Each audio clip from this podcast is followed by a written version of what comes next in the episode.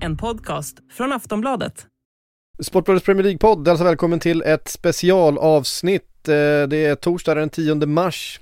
Eh, Chelsea har precis eh, fråntagits eh, Roman Abramovic, eller rättare sagt Roman Abramovic, Chelseas ägare, har fått alla sina brittiska tillgångar frysta av den brittiska regeringen, däribland Chelsea Football Club som helt enkelt eh, han inte kan göra någonting med, som inte nu tillåts göra några affärer och som då eh, Roman heller inte kan sälja. Det är ju det som har varit uppe på tapeten att han har för, försökt då eh, sälja klubben Antagligen för att han insåg att det här var på väg och försöka sälja den före. Han tappade kontrollen över den helt. Men nu är tillgångarna frysta och de är frysta på obestämd tid.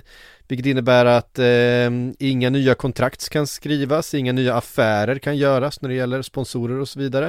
Eh, det går heller inte att köpa biljetter till matcherna. Nu har eh, klubben fått dispens att fortsätta spela matcherna eh, och fortsätta liksom organisera matcherna då på Stamford Bridge. Eh, men bara de biljetter som redan är sålda, det vill säga eh, säsongskorten ehm, kommer få användas, det kommer inte kunna gå att köpa några nya biljetter. Heller ingen merchandise kommer gå att köpa, de får helt enkelt inte göra affärer. Det innebär också att eh, inga nya kontrakt får skrivas. Inga kontrakt får förlängas och så vidare. Frida, nu har jag förhoppningsvis sammanfattat lite grann vad lä läget är. Eh, vad var din spontana reaktion när du hörde eh, det som har hänt? Alltså blandade, alltså dels så var det ju ganska väntat, eller vi har suttit och väntat på detta eh, rätt länge, men samtidigt så går det ju inte att komma ifrån att det här är en jättegrej. Jag såg nu att de hade satt upp eh, såna här, eh, ja men eh, skyltar i eh, shopparna och på hotellen och sådär kring Stamford Bridge där det står nu att de inte längre får, får sälja någonting, de får inte mm. längre ta bokningar på hotellet. Så att det här kommer ju påverka på ett helt enormt sätt och vi vet ju ännu inte hur det kommer påverka fotbollen i stort. Just nu är vi ju så fullt fokuserade på Chelsea men det är klart att det här kan komma att spilla över på andra klubbar och på hela ligan och sådär. Det är ju det är bara saker vi kan spekulera i för tillfället. En nyckel är väl vad som händer med övertagandet. Det är ju fortfarande så att Roman Abramovic kan sälja Chelsea på villkoret då att det blir Storbritannien eller brittiska regeringen som sköter själva försäljningen. Och då får ju inte han, han får ju inte få någon vinst av det här. Och det, det sades ju alltså redan innan de här sanktionerna offentliggjordes så sades det ju att Abramovic ändå inte skulle få någon vinst av en eventuell försäljning utan att all, allt överskott skulle gå till någon sorts, ja men till de krigsdrabbade sades det. Sen vet man ju inte riktigt om, ja men inkluderar det ryska mm. soldater också eller var det bara ukrainare? Det, det, var, det var lite oklart. Men ett, ett sådant typ av övertagande kan tydligen fortfarande gå igenom. Problemet blir ju om Abramovic, nu blir det ju lite som att hans, hans kärlek till Chelsea verkligen sätts på spel här, eller här får man ju verkligen se då om det är så att han kommer gå med på att göra det här, alltså låta brittiska regeringen ta kontroll, eller om han kommer försöka strida emot det. Och, kommer, och om det skulle vara så att han börjar strida emot det här beslutet, då kan ju det ta hur många månader som helst och det kommer innebära att då sitter Chelsea i en rejäl rävsax. Men just därför så är det så svårt, vi spelar ju in detta bara någon timme efter att det här beskedet kom. Jag kan tänka mig att det kommer hända ganska mycket de kommande dagarna, det är säkert vissa saker som kommer bli mer klar, klarlagda. Eh, det man vet just nu är ju precis som du är inne på, de får spela vidare, de får betala ut löner årskursinnehavare får fortsätta gå på matcherna, men mer än så vet vi ju faktiskt inte just nu. Nej, utöver det så är ju eh, klubben helt enkelt fryst. Tillgången är, eh, det, det, får, det får inte göra några affärer helt enkelt. Eh, och det är ju en väldigt eh, prekär situation och då tänker jag Givetvis så, så tänker man ju på, på truppen, det finns ju kontrakt och så vidare redan som, som gäller. Um, Frågan är nu om eh, de spelarna som eh, vi vet ju inte hur länge det här kommer gälla, men som det står just nu och som det är just nu så får de ju inte förnya några kontrakt, de får ju heller inte signa några spelare eller sälja då, de får ju inte göra den typen utav, eh, utav affärer, de får inte agera som ett, som ett eh, idrottsföretag på det sättet. Eh, och än så länge gäller det såklart att ha is i magen och det gäller ju för alla spelare och agenter och så vidare runt klubben, men det är klart att Eh, om vi tittar bortanför eh, startelvan eller de stora stjärnorna som sitter på långa kontrakt med höga löner och så vidare och tittar på det som är en sån enormt stor del utav, utav Chelseas kärnverksamhet, nämligen ungdomsakademin, så finns det ju mängder med spelare som inte sitter på kontrakt, som behöver förnya kontrakten liksom till sommaren.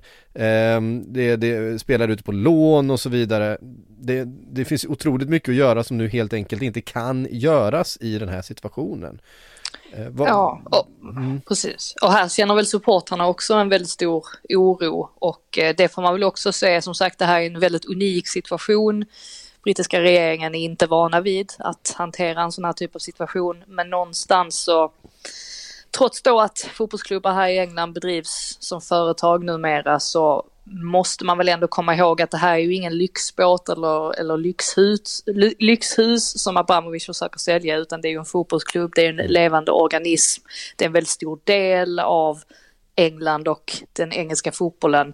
Så någonstans måste man väl ändå komma fram till mm. ja, men hur allt det här ska fungera och om det nu är så det har, ju, det har ju sagts då att det har funnits, alltså det finns ju vissa bud då som är seriösa, bland annat ett från brittiska fastighetsutvecklaren Nick Candy.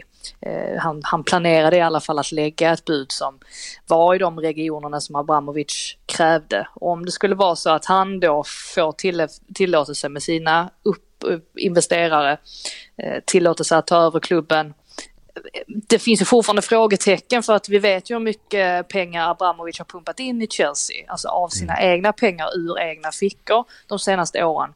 Kan de här nya ägarna göra det? Så att även om vi, det kanske kommer redas ut en del frågetecken nu de kommande veckorna gällande exempelvis akademin och sådär och gällande om de kommer, kommer få signa nya spelare och skriva nya kontrakt och sådär så finns det ju ändå ett väldigt stort frågetecken för Chelsea långsiktigt sett.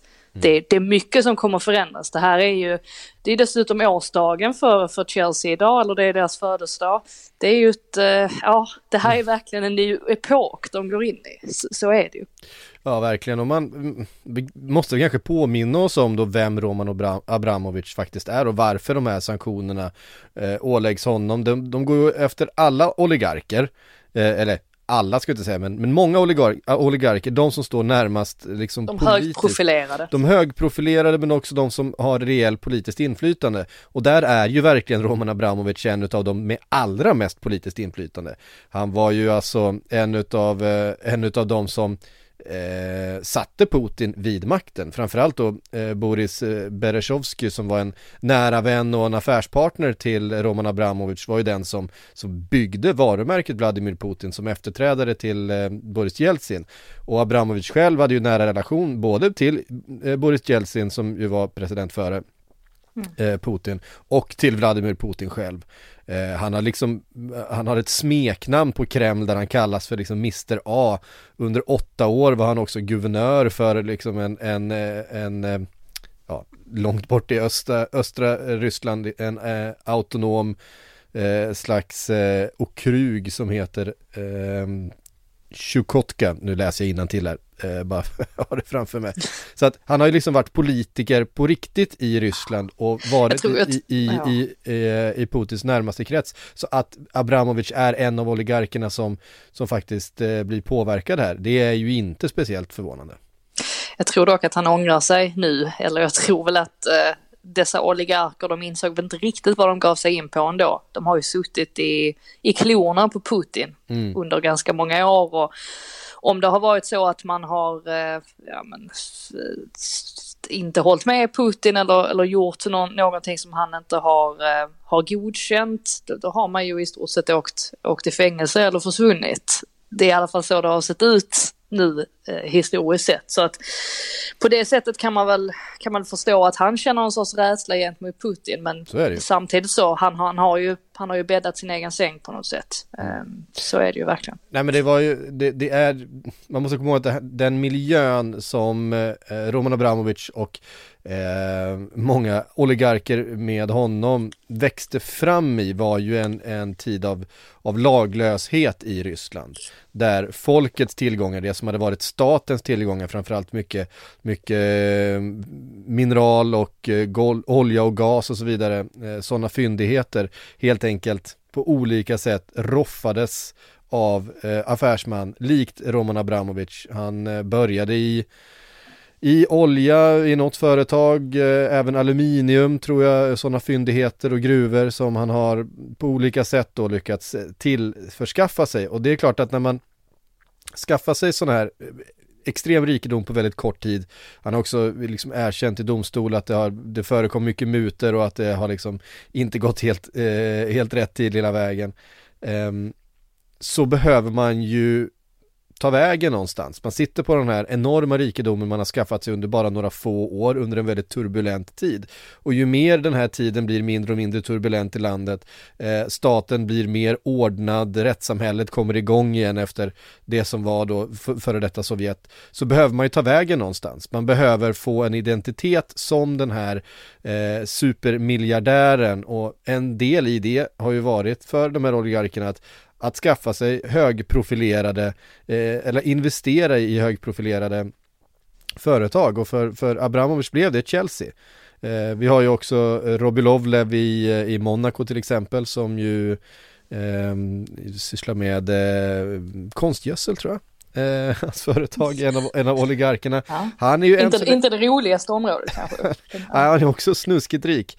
Eh, han är ju ännu inte eh, en av de sanktionerade då, han sitter ju kvar i Monaco, utan eh, det här är ju inte eh, EU som, det är inte EU-sanktioner utan det är brittiska sanktioner. Mm. Bournemouths ägare klarar sig väl också, han är ju ingen oligark, men och han är ju dessutom brittisk medborgare, Maxim Demin tror jag han heter. Mm. Men han verkar inte vara, vara ja, vad säger man, han verkar inte vara påverkad av, av detta eller berörd av detta. Nej, det, det handlar ju i första hand om de oligarkerna som har rejält politiskt inflytande. Um, och där, där är ju verkligen Roman Abramovic en av, en av de mest centrala.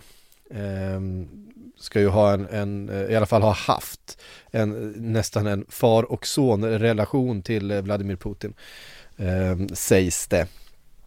Så att eh, det, det är en väldigt prekär situation, men känslan är ju också att, att Abramovic har försökt att klippa banden, han har försökt distansera sig. De här uppgifterna om att han ska ha då eh, agerat medlare mellan Ukraina och Ryssland under de här senaste veckorna eh, är ju ett försök att, att framstå som inte då... Som neutral. Ja, som neutral, som, som Dessutom då Roman Abramovics dotter som har varit väldigt öppen i sin Putin-kritik. Hon är en, hon är en stor influencer i, i Ryssland. Um, det är en intressant situation. Vi vet att Roman Abramovics eh, fru har en enorm konsthall i Moskva, superlyxig, eh, som heter Garage som nu har stängt eh, i, eh, i protest mot, mot kriget eh, som jag har förstått det. Så att det är inte helt, eh, det är inte helt enkelt men men det råder ingen tvekan om att, om att Abramovic är en eh, enorm, en, en av nyckelfigurerna i det eh, Ryssland som Vladimir Putin har byggt upp. Och han var det framförallt under, under det tidiga 2000-talet när, när Putin kom till makten och när, ja, under de åren då Abramovic också köpte Chelsea. Mm, det är väl där också man måste försöka hålla två tankar i huvudet att visst fotbollen är jätteviktig och jag förstår att man bryr sig enormt mycket om sin, sin fotbollsklubb och att man vill kunna gå på matcher och, och vill att den ska, ska skötas på ett hållbart sätt. Och sen å andra sidan så har vi ukrainska sjukhus som blir sönderbombade med barn och eh, kvinnor och män eh, mm. som dör.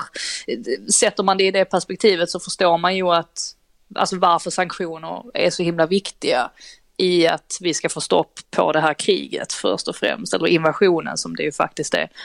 Men eh, ja, det, vad som händer med fotbollsklubben, det, det får vi se. Det här är ju ett sätt i alla fall att försöka försöka få, få stopp på det som är, som är viktigast just nu. Ehm, men eh, som sagt, jag förstår att det är väldigt oroliga tider för, för Chelsea-supportrar och att man känner en, en sorg också kring vad som möjligtvis kan, kan hända dem. Ja, verkligen. Och eh, Frågan är ju då, då fall det här kommer få eh, längre konsekvenser, jag tänker bortom Chelsea och Abramovic eh, för den engelska fotbollen för att det finns andra ägare i den engelska fotbollen som eh, sitter på minst sagt tvivelaktigt politiskt inflytande. Eh, Newcastles nya ägare till exempel och Manchester Citys ägare eh, såklart då eh, de två mest framstående. Och ehm, Eh, det är väl frågan om det här kommer tvinga fram i alla fall en diskussion hos FA att eh, ja, det har, det har ju redan gjort det. Eh, Premier League har ju redan gått ut och sagt att de ska börja titta ja. på det här. Eh, vilket ju är så dags. Det, det, det, var ett tag sedan det här problemet uppkom och eh, det skulle man kanske ha tänkt på lite tidigare då. Att det kanske inte är så jättebra att släppa in icke-demokratiska regimer i Premier League på det sättet. Bara det här med att, ja men, Alexander Sinchenko har ju varit en frontfigur nästan för det ukrainska folket i mm. Premier League. Eh, och eh, har ju öppet visat sina känslor och sin ilska gentemot vad det är som händer i hans hemland.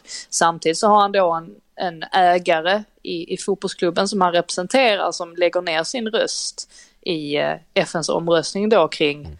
kring den här invasionen i Sheikh Mansour. Ja, men där ser man ju hyckleriet också på något sätt. Att ja, det, det, det, spelar inte så stor roll att de här spelarna och klubbarna och Premier League för den delen som ju också har liksom utfört sina manifestationer.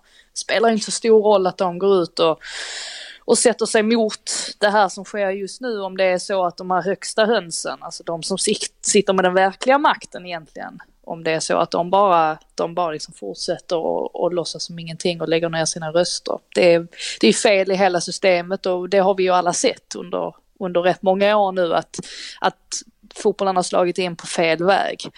Men ja, man får väl kanske se det positivt också i att ja men nu kanske det, nu kanske de inser att man borde göra någonting åt det. Mm. Och det är ju alltid svårt att, att dra linjer eh, i Sanne, för vart, vart går egentligen gränsen? Jag menar, eh, vi har ju pratat om det här många gånger, men jag menar Manchester Citys förra ägare, eh, Taxin, oh, efternamnet minns jag inte, eh, alltså var den före detta thailändska eh, premiärminister eller president, eh, låter jag osagt, som helt enkelt var, befann sig på landsflykt från sitt eget land efter att ha liksom länsat statskassan men satt ändå på läktaren i, i Manchester eh, under tiden fram tills att han sålde klubben då till, eh, till eh, de nuvarande ägarna. Och det var väl senast egentligen som Premier League gick ut och, och liksom pushade för att han skulle sälja, mm. sälja klubben. För de, de ville ju inte ha honom till slut. Eh, och sen då att han... Svårt. Ja men precis, eh, taxin. Och sen så att han då sålde det till Saudi eller Förenade Arabemiraten istället. Det är ju, eh, ja, det, har ju skapat sina problem då. Mm. Eller sina moraliska dilemman ska man kanske kalla det. Ja. Men eh, ja, det och, är ju en enda stor röra. Och den senaste in, in, in, vad säger man, intåget i Premier League då är det saudiska ägandet av Newcastle med bin Salman som ju eh, direkt, med direkt inflytande över klubben. Bin Salman som eh, eh, leder det här landet som ju för ett krig i Jemen eh, med enorma, hum, en enorm humanitär katastrof som följd. Eh, där det är ett otroligt liksom tragiskt och blodigt eh, krig på många sätt. Där den regimen i allra högsta grad inblandad. Ehm, mm. Jag såg nu att Ryssland och Qatar, Qatar som ju också är högst involverad i, den i den europe, europeiska fotbollen precis, att de, de sitter i samtal just nu gällande VM i, i höst. Så att så man blir helt, eh, ja man vet det, det är ju som sagt en enda stor röra. Man ja. vet inte ens var man ska börja längre och, och på något sätt så har ju fotbollen försatt sig själv i den här situationen. Ja, det är verkligen. Och där sitter ju Infantino och eh, verkar ju helt sakna moralisk kompass. Eh, så att inget kommer ju antagligen bli bättre på den nivån hos Fifa. Mm. Eh, tyvärr. Men vi, eh, vi, får bara helt enkelt konstatera att eh, det är väldigt mycket frågetecken kvar runt eh, Chelsea. Eh, som det är just nu så kommer det bara vara, det kommer då heller inte vara några borta supportrar förstås då på, på, på matcherna utan bara är eh, årskort som kommer få eh, tillträde. Matcherna kommer spelas, mm. klubben kommer liksom fortsätta rulla med existerande kontrakt eh, vad det gäller eh, både affärskontrakt men också spelarkontrakt och så vidare. Men inget nytt kommer skrivas, inga nya affärer kan göras. Frågan är ifall vi får se några reaktioner från spelare, inte här och nu skulle jag tro, men om det här håller i sig, vi närmar oss sommaren. Eh, kan spelarna riva kontrakt som finns för att flytta? Kan FIF kliva in? Det har ju varit snack om, om spelare i, de ryska liga, eller den ryska ligan till exempel, att få riva sina kontrakt eh, för att helt enkelt få skriva på med, med klubbar någon annanstans. Mm. Man måste väl komma ihåg också att Premier League och den brittiska den brittiska re regeringen, de står ändå varandra hyfsat nära. Ja. Så att, och jag tror väl att Premier League absolut inte vill att Chelsea ska eh, liksom dala ner fullständigt, för det, det är inte bra för, för ligan i stort. Alltså Chelsea är ju en av världens största klubbar. Mm. Så att någonstans så tror jag väl ändå att allt det här kommer lösas till till en viss grad. Eh, men som sagt, långsiktigt sett så, så vet man ju fortfarande inte vilka konsekvenser det här kommer att få. Nej, det är ju den här oklarheten, för nu har man satt sig i den här båten och vi vet ju inte hur länge konflikten kommer, kommer fortsätta. Vi vet ju inte hur länge. Eh, så frågan är, kan, kan eh, den brittiska staten sälja klubben åt Abramovic och sen bara sätta pengen som fryst på ett bankkonto istället för att göra sig av med problemet på något sätt. Ehm, vi får se vad som händer helt enkelt, men eh, än så länge så får vi bara följa utvecklingen. Och som lök på laxen så ska Chelsea spela fotboll ikväll. Ja, precis. Mitt i allt det här. Så ska man... Just det, fotboll ja. Fotboll, Sporten. precis. Där nere på, på fotbollsplanen också. Ja. Eh, ja, vi får väl se. Min, min, min, gissning, min gissning i det här är ändå att eh, klubben Chelsea, precis som du är inne på, eh, inte kommer påverkas så avsevärt mycket Eh, på lång sikt. Jag tror att man, man, man kommer styra om, styr, eller man kommer leda om alltså, styret av klubben. Man kommer, ju, man kommer ju påverkas på så vis att oavsett vilka nya ägare som kommer in så lär de inte förmodligen inte ha lika mycket pengar som Roman Abramovic eller i alla fall inte vara villiga att, att eh, ja, men pumpa in så pass mycket av sina egna pengar Nej, i klubben som han har gjort. Abramovic försvinner ju på gott och ont liksom. Ja. Eh, så, så får man ju sammanfatta, sen får vi se eh, vad som händer övrigt med, med verksamheten. Eh, men du Frida, jag vet att du har din lediga dag idag på torsdag, du får återgå till det.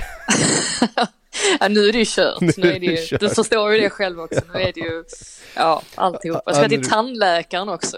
Vilken fruktansvärd dag. ja, herregud. Eh, Sportbladets Premier League-podd är, är tillbaka med ett vanligt avsnitt då på måndag. Då kanske vi vet mer eh, av vad som har hänt. Eh, som sagt, vi är bara några, några timmar in i, eh, i, i händelserna eh, runt eh, Abramovic och hans frysta tillgångar. Men eh, eh, vi får lov att återkomma till det och eh, återkomma till all fotboll som då spelas från och med idag och under hela helgen. Eh, tusen tack Frida för att du var med idag. Tack själv. Normally being a little extra can be a bit much. But when it comes to healthcare, it pays to be extra. And United Healthcare makes it easy with Health Protector Guard fixed indemnity insurance plans. Underwritten by Golden Rule Insurance Company, they supplement your primary plan, helping you manage out of pocket costs without the usual requirements and restrictions like deductibles and enrollment periods. So when it comes to covering your medical bills, you can feel good about being a little extra. Visit uh1.com to find the Health Protector Guard plan for you. Well.